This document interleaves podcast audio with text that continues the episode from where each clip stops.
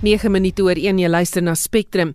Die Nasionale Padongelukke Fonds sê hy het besluit om eise binne sy huis te hanteer om sodoende tyd en regskoste te bespaar. Dit is in 'n poging om die fonds wat naas Eskom tans die regering se grootste finansiële las is van ondergang te red.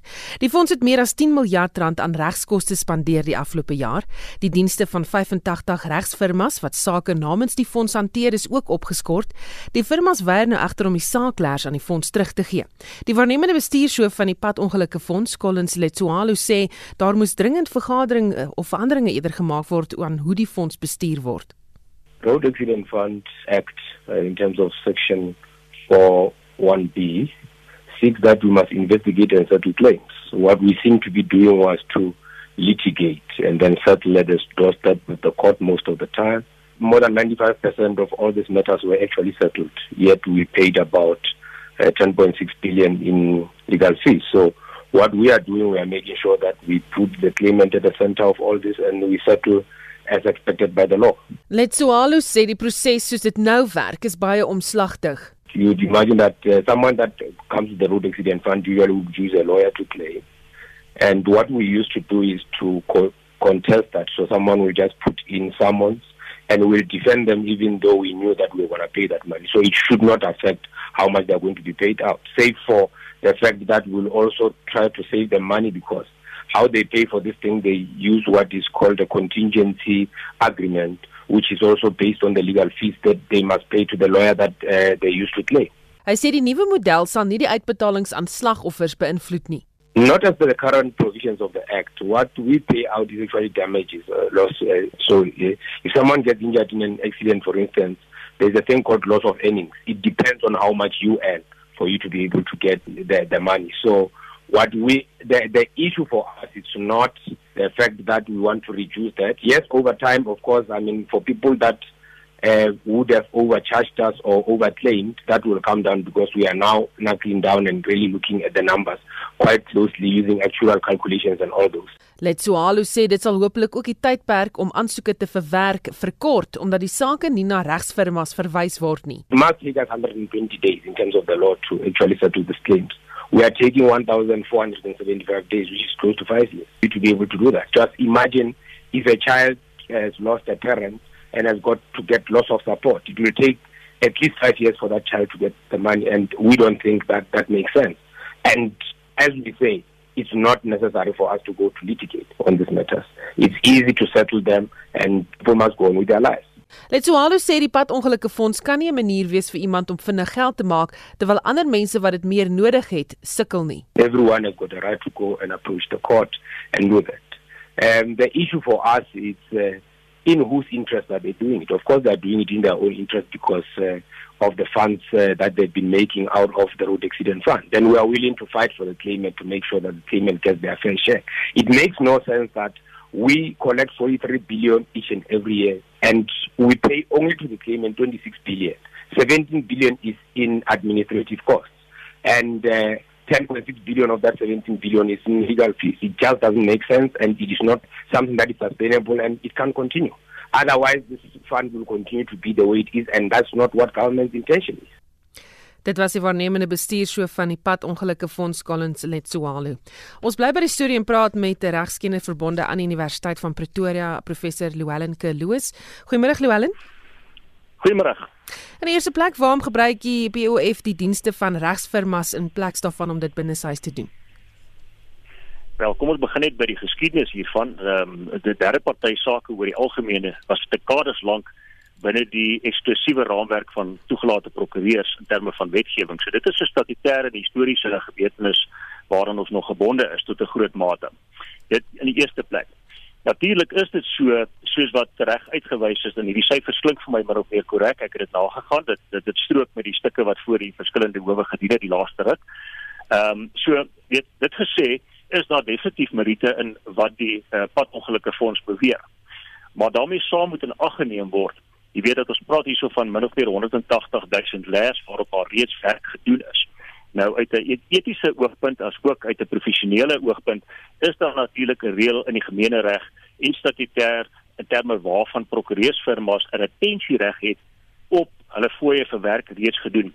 En 'n uh, 'n 'n groot komponent van hierdie litigasie tans voor die howe berus juist daarop dat totdat hulle vergoeding ontvang het vir hulle werk reeds gedoen, hoef hulle nie daardie lers fisies oor te, te oorhandig nie. Ehm um, so dit dit is een van die komponente. Nou op hierdie stadium is daar min of meer 3 appelle waarvan ek bewus is een in terme waarvan regter Norman uh, uh, Davies 'n bevel gegee teen gunste van die padongelukke fonds en gelas het dat van die lers oorgedra moet word en dan natuurlik die onlangse twee uitsprake van regter Wendy Hughes wat uh, teenstrydig met daai uitspraak presies teenoorgestelde bevind het en bevind het dat uh, uh, in in in belang van die prokureurs uh, uh, verskeie applikante dan natuurlik beslis het dat hulle daardie lers mag hou ten minste vir nog 6 maande totdat daar rasioneel 'n uh, oorgangsmaatreëls in plek gekom het en daardie sake is tans almal onder appel. Nou, kan die POF dienste van die weet met ander woorde die regsfirmas met ander woorde nie se muur staak nie. Uh jy weet wat moet nou gebeur? Gaan daai sake net hang? Mense gaan nêrens kom nie, nie hulp kry nie, nie geld ontvang nie. Wel, dit is presies dit. En dit is een van die argumente natuurlik voor wat voorregter Joos gedien het. Wat gebeur as al hierdie les nou net eensklaps oorhandig word? Natuurlik is dit die prerogatief van 'n kliënt in hierdie geval die padongelukke fonds om te besluit om die prokureursfirma se mandaat te beëindig en te sê, maar ons wil julle nie meer gebruik nie of ons wil ander prokureurs gebruik of ons wil dit self uh self doen. Niemand kan 'n 'n kliënt verplig om van 'n prokureur gebruik te maak en dan definitief ook nie een van sy keuse nie. Maar sou dit gebeur op hierdie stadium? Nou praat ons van derduisende sake wat daagliks op ons hofrolle is. Dit kan beteken dat daai hofrolle dalk verder nog geblokkeer kan word. Dit kan beteken dat daar onnodige verstrekfondse moet toegestaan kan word teen die padongelukke fonds omdat daar nie meer prokureurs op rekord is wat dit letterlik verdedig nie.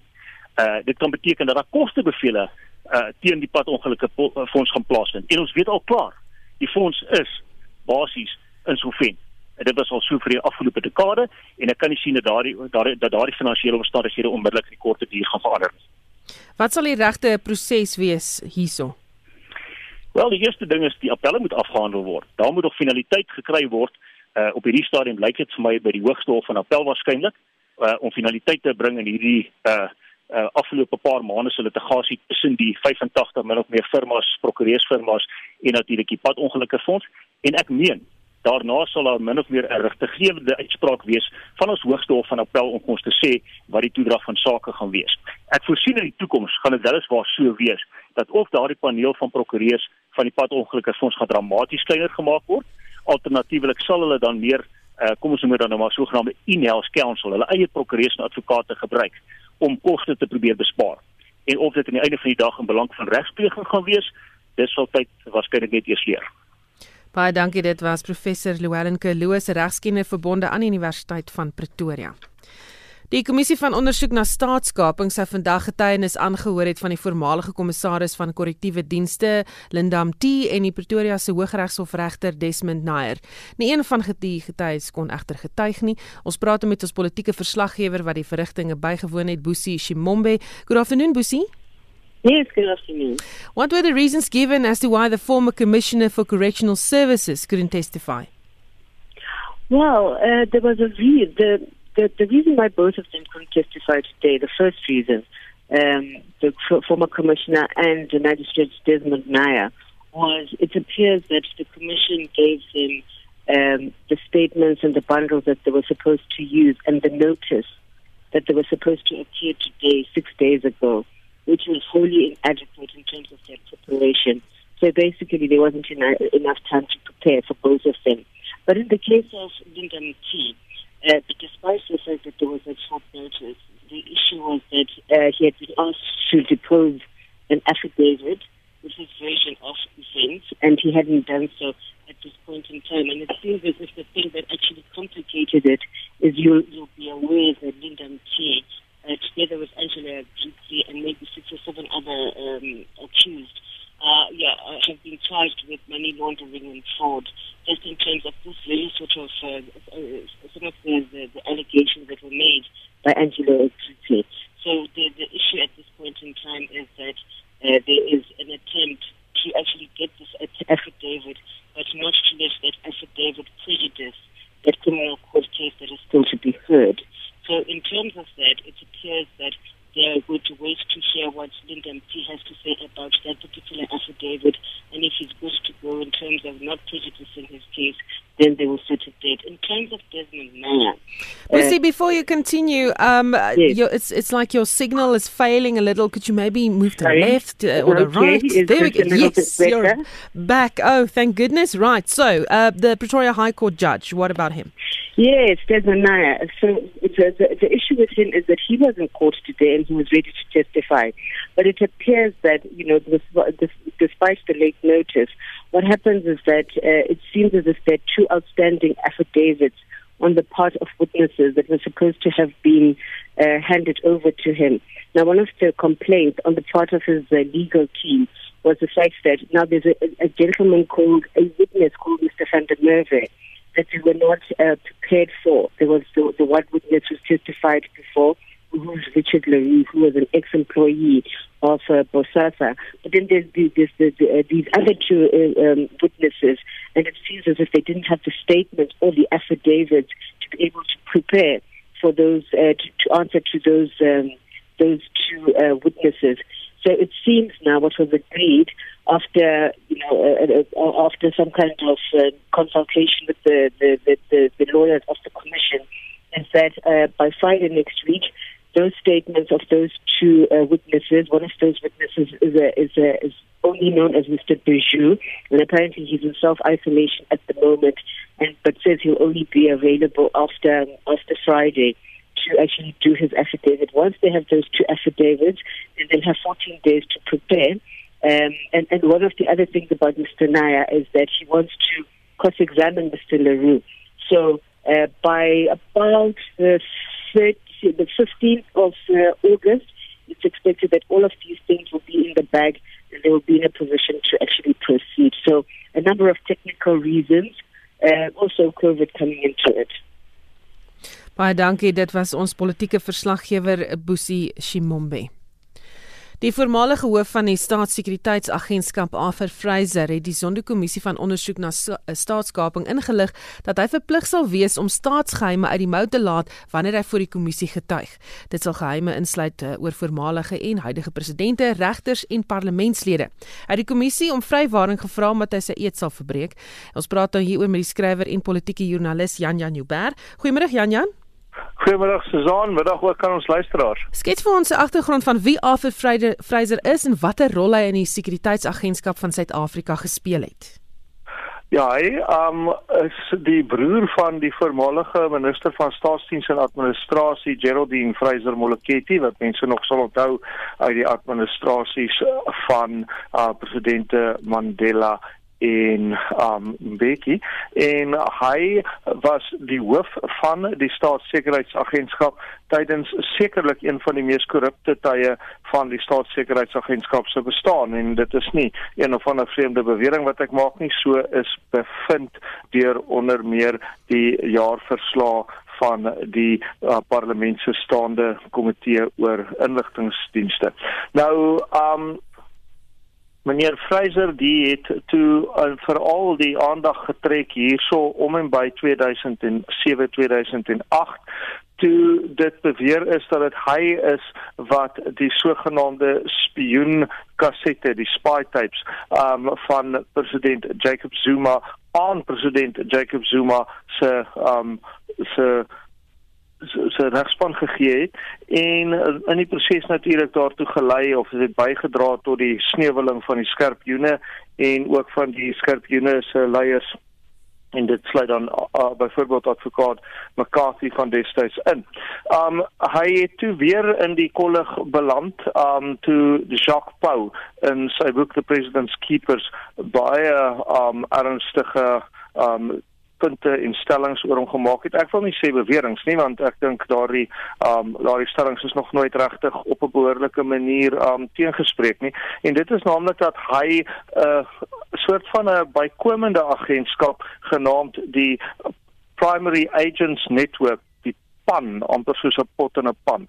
Um dat hy die pan gestig het en dit met geld uh van die staat en dat hy klomp vriende en familie daar weer um klomp geld laat kry het om basies die werk te doen wat die staatssekuriteitsagentskap alreeds doen. In die proses Susan, um was daar nou al dreigemente van Geraldine Fraser Moleketi haar ma en die res van die uitgebreide Fraser familie min of meer of in elk geval die gesin om vir Jacques Pau te dagvaar en daarvan sover ek kan sien het nog gekom, jy weet, um mense maak 'n vreeslike lawaai maar as um as puntjie by paaltjie kom dan het hulle nie 'n saak nie, so dan gaan hulle nie hof toe nie. En dan tweedens um het ons situasie waar um waar waar um meneer Fraser dus toe onthef is van sy pos as direkteur-generaal van staatssekerheid en deur die minister agter die president meneer Ramaphosa verskuif is na die posisie van direkteur-generaal vreemd genoeg en ironies genoeg van korrektiewe dienste waar hy dalk net kan opeindig as hy uh, as hy skuldig bevind word aan al die dinge wat oor hom beweer word. Ja, Fraser se regsverteenwoordiger advokaat Musi Sikakani sê hy word gedwing om hierdie inligting te openbaar omdat hy van verraad beskuldig word. Waarna verwys hy? Ehm um, hy verwys inderdaad na hierdie beweringe en kyk ehm um, Diane Cole Barnard van die DA sê dis die mees ironiese ehm um, dreigement ooit want ehm um, dat meneer uh, Fraser nou sê hy gaan staatsgeheime uh, uh, ontbloot want hy is dan volgens die DA die verpersoonliking van staatskaping gegeewe al hierdie aantuigings teen hom en gegeewe die feit dat dit so ernstig is dat hy selfs verwyder is uit sy posisie.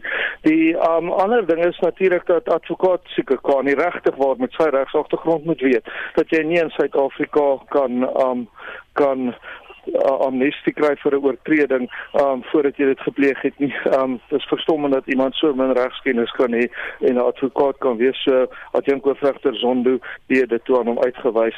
Um dit lyk vir my soos um koue pampoen en in elk geval ek as 'n Suid-Afrikaner wat belasting betaal stel baie belang in enige staatsgeheime oor allerlei ou vuil praatjies wat meneer um wat meneer uh Fraser mense nou mee afdreig klink baie soos president Jacob Zuma wat nou al hoeveel keer um gedreig het om allerlei besonderhede um bekend te maak oor mense en telkens dan lieg hy nou maar en dan moet hy dit terugtrek op hofbevel. Ja, seker kan hy verder gesê Fraser se getuienis en eh, sal die prentjie voltooi oor presies wie die staat ondermyn. So verwag jy dis plofbare getuienis? Verwag plofbare beweringe in watter mate dit op enige manier um jy weet die toets van die waarheid gaan deurstaan weet ek nie. Met hierdie spione weet jy nooit wanneer hulle die waarheid praat en wanneer hulle jok nie want um vir hulle dit al relatief geword soos wat Mo Sheikh uitwys in sy boek The Spy Bible. Baie dankie, dit was die skrywer en politieke joernalis en ontleder Jan Jan Jubber. Ons oh, kyk na die volgende storie. Lyk vir my my rekenaar wonder nie so lekker saam speel nie. Daar sy nou Eskom sê sy eie veiligheidspersoneel werk baie nou met die polisie saam om na die veiligheid van sy personeel in Khayelitsha op die Kaapse vlakte om te sien. Dit volg nadat Eskom werkers in meer as een voorval in die gebied aangeval is. Winsem Mofokeng berig. With the two incidents that we experienced yesterday, the violent protest action that uh, resulted in uh, two Eskom vehicles being stoned, one of them being uh, vandalized and then burnt. We had to offer significant amount of trauma counseling to our staff. The one individual in the Vito managed to escape unhurt, uh, but the trauma was quite hectic, and we had to make sure that there was counseling in place for him. The two individuals that were confronted in the Umfuleni area, the one individual was seated in the bucky when the windows were smashed and they were attacked. And he was quite traumatized after the incident. And again, we offered trauma counseling to them as well. The other individual was actually busy on a pole fixing a fault and had to escape jumping off a ladder. In die jongste voorval is 'n voertuig in Khayelitsha aan die brand gesteek terwyl nog een in Mfuleni met klippe bestook is. Eskom het sy werksaamhede in dele van Khayelitsha en Mfuleni opgeskort. Eskom se hoofbestuurder vir verspreiding in die Wes-Kaap, Alwie Lester, sê hulle werknemers sal eers daarheen terugkeer wanneer hul veiligheid verseker kan word. Due to the violent protests that we experienced across the Cape and in particular in the Mfuleni area in Bardale, as well as certain areas in Khayelitsha, uh, we've been forced as Eskom to stop services temporarily to those areas.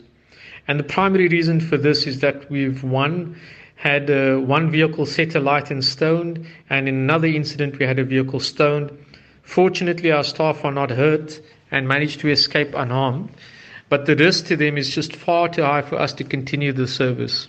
Lester vra die gemeenskap om sulke voorvalle aan te meld. Our plan is to resume services in these areas once we are able to go in there safely with the support of SAPS and our own security services as well. In the interim, we ask customers to be patient and understand that we're unable to deliver services to these areas while they remain unstable and unsafe for us to enter. A list of the uh, areas that are affected are available, and if needs be, we can make those available. Dit was Alwie Lester, Eskom se hoofbestuurder vir verspreiding in die Wes-Kaap. Ek is Vincent Mofokeng vir SAI Garnis. Die SAIK het berigte ontvang van langtoue mense buite lykshuise in Soweto en Rodepoort in Gauteng. Ons verslaggewer Sashin Naidu het gaan ondersoek instel en ons praat nou met hom. Good afternoon Sashin. Hi, good afternoon. Did you see any cues? Well, I was actually out since around half past seven this morning, driving around to various uh, mortuaries and pathology service uh, um, offices in Johannesburg. However, we haven't seen that there are any long queues or anything of that nature because we were hearing reports um, from last week that there were long queues with people having to wait um, outside, you know, to get service and so on. However, from all the places that we went to today, that doesn't seem to be the case, and it does seem, uh, you know, to be business as usual. We understand some of the staff are unhappy with the working conditions. Yes, well, we also uh, received reports of that, and we spoke to the pathology services in uh, in the province, and they said they are actually unaware of any such reports uh, or anything of that nature in terms of workers going on a go slow or demanding proper PPEs or anything of that nature. They say that uh, everything is working smoothly at all the mortuaries across the province, and uh, it does seem uh, to be the case. You're also visiting funeral parlors. How are they coping with COVID 19 related deaths? Yes, that is correct. I went to quite a number of funeral parlors as well, and um, the word coming out from them is that they are uh, extremely overwhelmed, especially in light of the three day turnaround um, that they have to do. In most instances, funeral parlors say that it takes between a week or two weeks for them to actually keep bodies while families arrange a funeral and all of those kinds of things. However, now they are under immense pressure. He does say that all bodies coming into the mortuary are also treated as COVID 19 uh, bodies. They are thoroughly wrapped uh, in three different layers and uh, they are being moved in and out of the facility as soon as possible. And this is due to quite a number of uh, um, more bodies actually coming through into the mortuaries, and especially with them having to deliver on the turnaround time of uh, three days for those bodies to be buried, they are uh, actually quite under immense pressure. Baie dankie, dit was ons verslaggewer Sasha Naidu. Jy luister na Spectrum elke weekmiddag tussen 1 en 2. En in die program die voormalige hoof van die staatssekuriteitsagentskap Arthur Fraser beweer hy sal verplig wees om staatsgeheime uit te lap as hy voor die Zondo-kommissie moet getuig. Die politieke joernalis Jan Jan Jubber sê hy verwag plofbare getuienis. Die Toerisme Besigheidsraad van Suid-Afrika sê die regering het nie meer geld beskikbaar om die bedryf te befonds nie en al hoe meer bekende Suid-Afrikaanse sportmense het die afgelope tyd hulle steun aan die Black Lives Matter beweging toegesê. Bly ingeskakel. Daar is geen verkeer.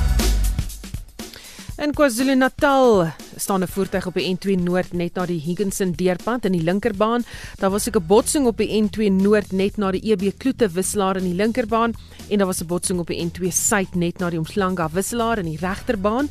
Ook in KwaZulu-Natal staan 'n voertuig, ook het dit genoem van EB Kloete, maar in Gauteng staan 'n voertuig op die N3 Suid net na die Randse lughawe wisselaar en dit is jou verkeersnuus. Die gemiddelde damvlakke in die Wes-Kaap lyk baie beter na die storms verlede week in die gebied. Die gesamentlike vlak staan nou op 60,7%. Ons praat met die woordvoerder vir die plaaslike minister van omgewingsake, James Brent Stein. Goeiemôre James. Hallo, altyd lekker om by julle te wees. So lekker sonnige dag in die Kaap. Wel, professor, ek weet dit is lekker hier by Spectrum.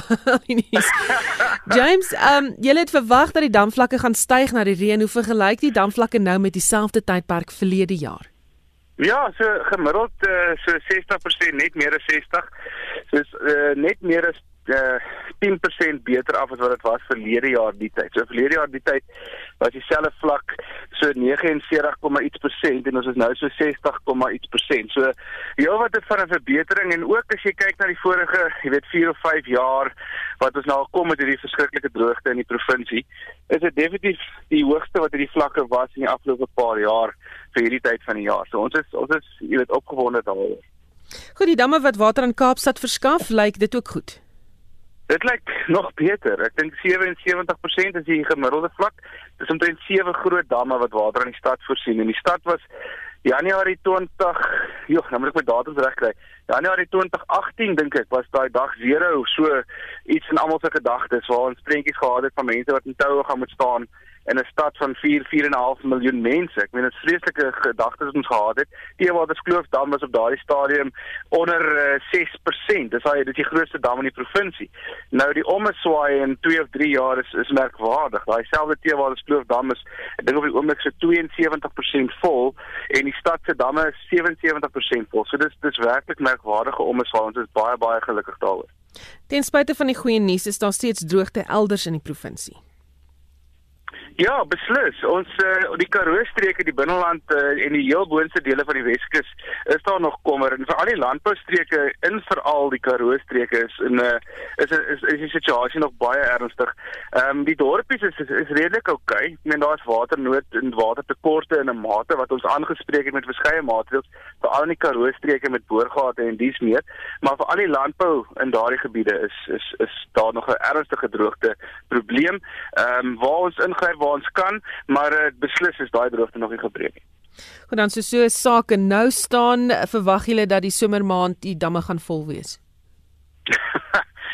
Hy sommer nog 'n paar maande weg. Ehm um, ons is uh, versigtig optimisties dat uh, ons definitief in 'n beter posisie gaan wees as wat ons was die afgelope paar jaar en dis daarom 'n bietjie goeie nuus in hierdie tyd van COVID en en wie weet wat nog.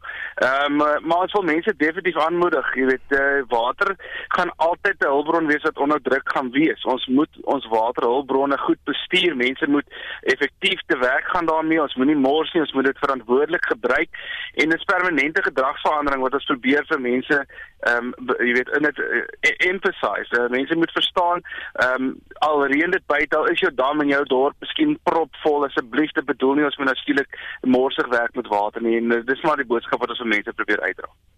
Baie dankie dit was James Brentstein die woordvoerder vir die Wes-Kaapse minister van omgewingsake Die eerste DRI COVID-19 toetsentrum in Tshwane het die week oopgemaak. Mense wat in kontak was met COVID-19 positiewe gevalle of enige simptome van die virus het, kan hulle self daar in die veiligheid van hulle eie voertuig laat toets. En ons praat met ons verslaggewer Lila Magnus wat vanoggend by die toetsentrum was. Goeiemôre Lila. Goeiemôre Susan. Wat is die voordeel van 'n uh, COVID-19 DRI sentrum? Wel, nommer 1 is jy hoef nie afspraak te maak nie. Jy kan letterlik maar net opdaag en daar verbyry. En dan nommer 2 wat ek dink baie mense dit laat doen is dat jy sit in jou eie voertuig. Jy het geen kontak met enigiemand anders behalwe die suster wat die toets doen nie.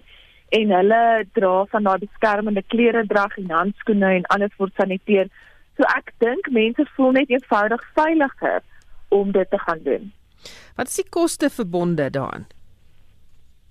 Dit is R1190, maar hulle stuur vir jou dan ook 'n tansie en dan kan jy nou die bedrag geld kan jy dan nou van jou mediese fonds af terug uit as jy mediese fonds betaal vir die toetse. Maar dit is regtig ook baie duidelik gemaak dat hulle toets nie sommer maar net mense om mense te toets nie. Jy moet verwys wees deur 'n dokter of jy moet in kontak gewees het met iemand wat COVID-19 positief was voor jy jouself toets. En hoe vinnig kry 'n mens die toetsuitslae? Sy het gesê dis tussen 3 en 5 werkdae wat hulle vir jou SMS of 'n e-pos sal stuur. Sy het gesê in 'n geval wat dit wat jy positief toets sal hulle ook vir jou talle sal vir jou skakel en dan ehm um, dat jy die nodige reëlings kan tref van daar af. Is daar planne om dit uit te brei? Weet jy dis 'n privaat maatskappy wat hierdie toetssentrums opgerig het en dis nou die eerste een in Tshwane, daar is 3 in Johannesburg maar daar's nog nie definitiewe planne om nog uit te brei in Tshwane nie. Baie dankie, dit was Lila Magnus, ons verslaggewer daar in Pretoria. Die Toerisme Besigheidsraad van Suid-Afrika sê die regering het nie meer geld beskikbaar om die bedryf te befonds nie. In April het die minister van Toerisme, Mamaloko Kubayi Ngubani, 'n COVID-19 toerisme verligting fonds van 200 miljoen rand aangekondig. Intussen oorweeg die raad regsaksie teen die regering om die bedryf ten volle oop te stel. John Estreisen doen verslag. Die voorsitter van die Toerisme Besigheidsraad van Suid-Afrika, Blekkie Komani, sê regsaksie is 'n moontlike oplossing na gesprekke met die regering 'n dooiepunt bereik het. We all know that we'll recover from this. The question is when. And I think that's what's killing all of us. And we can work around the processes, some projected timelines, but there's no definitive as to when we can go back to normality. We design uh, world-class uh, protocols. We met with the economic cluster. Tourism was only going to start operating at level two and one. So our plea to the president was that we don't have that time. People are losing jobs, companies are closing. At the end of the day, these are difficult policy choices. You have health, you have economy to balance. Maar die bestuurshoof van die Suider-Afrikaanse Toerisme Dienste Vereniging, David Frost, voel dat verdere gesprekvoering moet plaasvind. My suggestion is to you give us the alternative way forward because so far I haven't seen it. I see a lot of whinging and moaning, negative stuff being put out. We need to go in with interesting and differentiated conversations that are data driven and evidence led. What a lot of people in the private sector don't realize is that when, in the private sector, when you take somebody to court, you stop speaking to them. In the political realm, which is what we engaged in here, is we keep conversations open on other fronts. That's what we're trying to achieve at this stage. Die regering se verligtingfonds was 'n een eenmalige uitbetaling aan die bedryf. Die raad se bestuurshoof, Chiviwa Chivengwa, sê egter meer befondsing moet verskaf word. Yes, the banks are open, but you know banks are banks. And the reason we did that was when we, re we realized that the TERS money is not adequate. The fact of matter is that TERS has run out of money. It was meant to be a three-month thing. That three month is over, and uh, there's no money that is going to come from the government. Die Toerisme Besigheidsraad verteenwoordig 12 verenigings wat reisagentskappe en gastehuise insluit. Die verslag deur Amina Akram, Jean Estreisen, SAICanis. Shaun Jooste het gaan kyk na wat in die sportwêreld gebeur en hy begin sy verslag met cricketnuus. Die internasionale kriketraad het gister bevestig dat vanjaar se T20 Wêreldbeker toernooi weens die koronaviruspandemie uitgestel is. Die toernooi sou op 18 Oktober in Australië begin, maar die IKR e hoop om dit in Oktober en November 2021 aan te bied. Australië het tot dusver meer as 12400 virusgevalle en 126 sterftes. Die Windies afrigter, Phil Simmons, kan dalk veranderinge aan sy kolvlees maak vir die beslissende toets teen Engeland wat Vrydag op Old Trafford in Manchester begin. Geen Windies kolwer kon tot dusver 'n honderdtal aanteken nie. En die Engelse naadbouler Geoffrey Archer is ook weer terug in die span nadat sy tweede toets negatief was. Rugby. Die Suid-Afrikaanse vleuel Kobus van Wyk het 'n kontrak met die Engelse klub Leicester Tigers geteken en sal na Nieu-Seeland se plaaslike Super Rugby reeks by hulle aansluit. Van Wyk speel vir die Wellington Hurricanes. Ons sluit af met 'n paar sokkerwedstryde wat vanaand voorlê. In die Engelse Premier Liga speel Watford 7uur teen Manchester City en Aston Villa kwart oor 9 teen Arsenal. Men in die Serie A in Italië kom Atalanta half 8 teen Bologna en Sassuolo kwart voor 10 teen AC Milan te staan. Dit was Shaun Jooste met RSG Sport. Al meer bekende Suid-Afrikaanse sportmense het die afgelope ruk hulle steun aan die Black Lives Matter beweging toegesê. In 'n video op Instagram praat die Springbok kaptein Sia Kolisi oor die uitdagings om in die Zwindi Township in die Oos-Kaap groot te word en hoe anders dinge was by die Hoërskool Grey in Port Elizabeth waar hy later sy skool gaan. Ook die voormalige Protea kriketspeler, Mkaya Ntini, het in 'n openhartige SAK onderhoud gesê hoe eensaam hy gevoel het toe hy 'n lid van die Protea span was. Estie de Klerk berig. Sia Kolisi sê dit was sy ouma wat hom van kleins af aangemoedig het om in sy drome te glo. Maar dit was moeilik.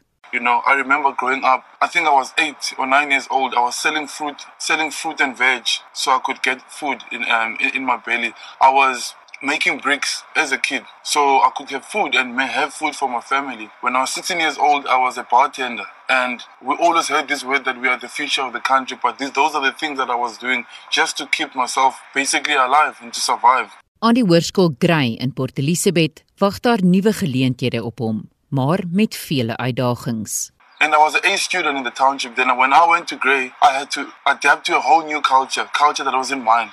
I had to learn how to speak English. And I felt so stupid because I was failing because I didn't understand the language, but it made me feel no, maybe I wasn't I wasn't smart enough, you know. And I had to learn English, and then then I had to adapt to this culture, and I had to conform to the culture to feel accepted and welcomed, you know. And only one or two people wanted to understand a little bit more about my culture. That's why I met my friend Nicholas, who had to teach me English each and every single day. He had to help me with my homework each and every single day. Nicholas het by hom in die township gaan kuier om ook meer van sy kultuur te leer. In die Springbok rugby wêreld moet hy weer eens aanpas, weer eens 'n nuwe kultuur. You know, when I first got into the in, into the Springbok environment, you know, everything was done in Afrikaans. And I couldn't speak Afrikaans at all. The la- the calls were in Afrikaans, so like it, it affected. I, I couldn't. I had to translate from English, from Afrikaans to English, from English to Xhosa, and it was really hard. So I always reacted late, and I felt stupid and and, and, and embarrassed. And like my culture wasn't there. You know, we're representing South Africa, but didn't feel like I was I was valued enough. I just had to be grateful to be there, and that's why I never complained about the calls. I didn't say, you know what, but I'll just wait and ask one of my friends like to to explain to me the calls. Die bokflank wie verlede jaar die nasionale span tot glorie gelei het in die Wêreldbeker in Japan, sê dit was uiteindelik die afrigter Rassie Erasmus wat elke speler waardig laat voel het. We're a unique country where apartheid was in South Africa, so things have to change if we're done differently, whether we like it or not. Transformation has to be part of this while we are winning. And that conversation actually changed the game for us as a team, you know. Then we felt valid. We felt like we could do that. We could sing. We could be, after the first game as well as announced as captain. And that was also something huge because now kids in the township could now, okay, cool, these things are happening. He can do it now. We can also do it. Die voormalige Protea kriketspeler, Makaya Ntini, het in 'n openhartige SAK onderhoud gesê die ingesteldheid teenoor talentvolle opkomende swart kriketspelers in Suid-Afrika moet verander. We have a lot of players of color that they are on the pipeline. We have a lot of players of color that they really you know, uh, showing the signs of being good, and then they're showing the signs of they have the talent. So now the provincial is the one that they should be starting, you know, to nurse all of those cricketers instead of losing them or instead of keeping them into the lower league, if you understand what I'm trying to say. So that there will be no issue when it comes to selection. So when it comes to selection now, you know exactly who are those players that actually have scored runs who are those players they actually have taken so much of wickets you know? So Ntini sê hy het as deel van die Protea span dikwels eensaam gevoel. I was forever lonely because the first thing that comes to loneliness is not to have someone knocking at your door and say let's go for dinner. That's loneliness on its own. Where you will watch friends calling each other and then having mm-hmm. plans right in front of you and then you'll be skipped. And then they will go along by themselves. And then they will have dinner they will have lunch they will have breakfast. When you walk into the breakfast room if you were the first one in the breakfast room you will see the next person that walks in it will never come and sit next to you. That loneliness but you are playing within the same same team together, getting into the same bus, drive all the way to the stadium, and then practice at the same time, bowl to them, you know, and and then wear the same clothes, and then we sing the same national anthem. Om dit vir homself makliker te maak, het hy 'n manier gevind om tydelik van die eensaamheid te ontsnap. I will go to the driver of the bus early morning and then I'll give him my bag and then I'll say to him I'll meet you at the ground. I'll put my running shoes, I'll run to the cricket ground. And then same thing, on my way back, I'll give the bus driver my dirty clothes. And then I'll say, I'll see you at the hotel. I'll run all the way back to the hotel. But people, they never understood why I was doing that. And then I will never say to them, this is why I'm doing this, to avoid ABCD.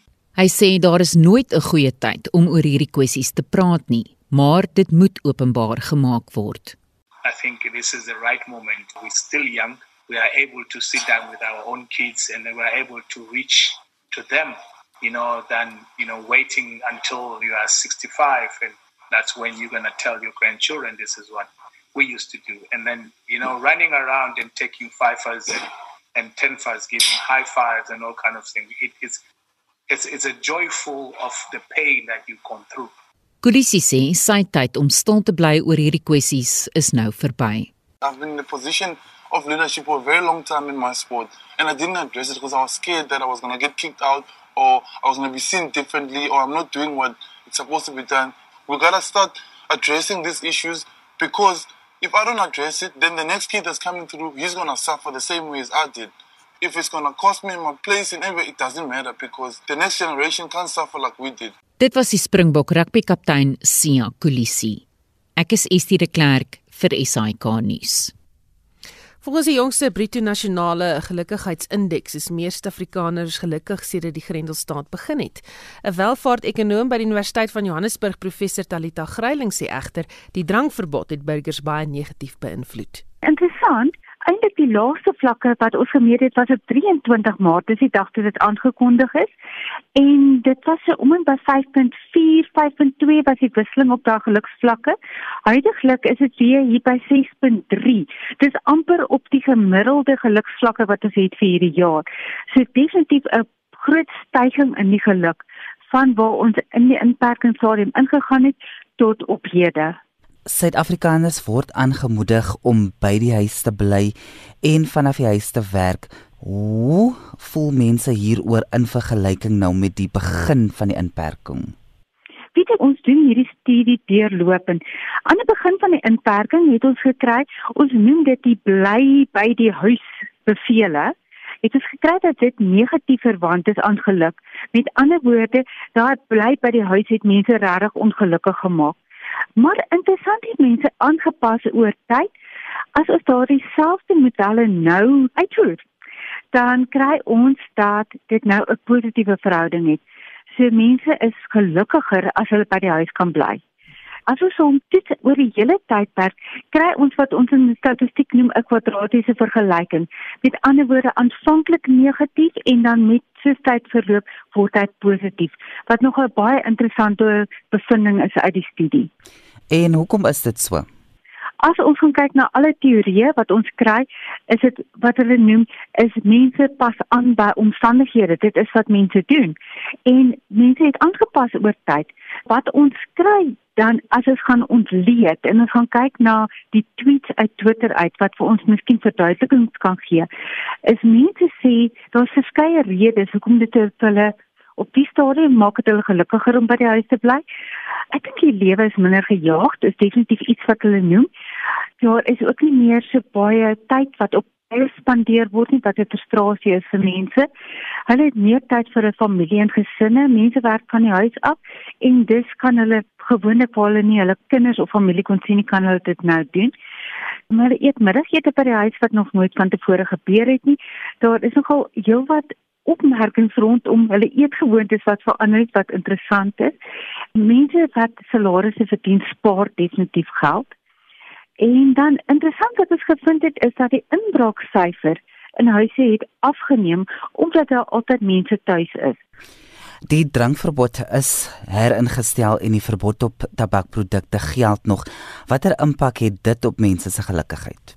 Dit is altyd vir my interessant want ons werk met hierdie data reg oor die wêreld. Want Suid-Afrika speel alkohol 'n verskriklike groot rol. En ek dink dis nie net die gebruik van alkohol nie, maar ook die sosiale situasie om die gebruik van alkohol. As ons gaan kyk op die 12de Julie toe die president hierdie inperking aangekondig het, was daar 'n onmiddellike reaksie op ons geluksindeks, want ons geluksindeks meet geluk teen die werklike tyd. En ons kon sien onmiddellik het daai indeks geval na die laagste punt nog ooit gemeet vandat ons die geluksmeting doen per uur. Het geval na 'n 4.2 en as jy dan gaan kyk na die tweets was die mense woedend oor die terugbring van hierdie inperking die mense verstaan nie hoekom dit gedoen word nie die mense verstaan nie dat daar nie 'n waarskuwing was nie dat dit net geïmplementeer is sonder enige waarskuwing. So die Suid-Afrikaners is regtig baie kwaad en ontstel hieroor en dit het 'n uh, geweldige impak op die geluksmeting gehad. Dit was professor Talita Greilinge, welvaart-ekonoom by die Universiteit van Johannesburg en sy het met John Estreisen gepraat. Die gesamentlike staande komitee op intelligensie het glo verlede week vergader oor die beweerde jihadistiese opstand in Mosambiek. Volgens statistiek van die gewapende konflikligging en gebeurtenisdata projek ACLED is meer as 1000 mense reeds dood in die konflik in Cabo Delgado. Groot gasvervaardigers het glo onlangs aangered hulle nie verdere ontwikkeling gaan befonds nie weens die onrus in die gebied. Jasmine Opperman van ACLED sê Suid-Afrika is reeds gewaarsku om hom nie met die gebeure te bemoei nie. In Mosambiek ons sit, sit ons met 'n insurgensie wat in 2017 gewelddadig geraak het in Mosomboa de Praia. Sedert dien die insurgensie homself begin vestig.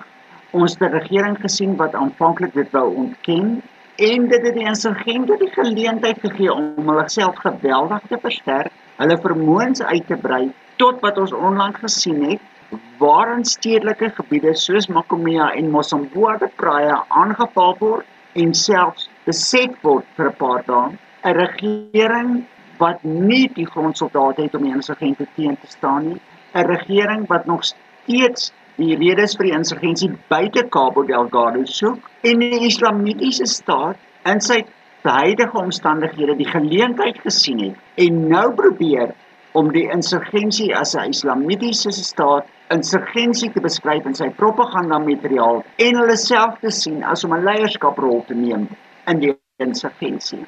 Maar waar kom hulle vandaan en hoekom is hulle juis daar? Om dit te verstaan, moet ons teruggaan en ek bedoel ons kan teruggaan tot 2 self 2010. Maar Cabo Delgado sit met 'n geskiedenis van 'n diep gewortelde ontevredenheid teenoor die regering, georganiseerde misdaad wat die situasie uitgebuit het en nog steeds uitbuit en geweldig baie geld maak.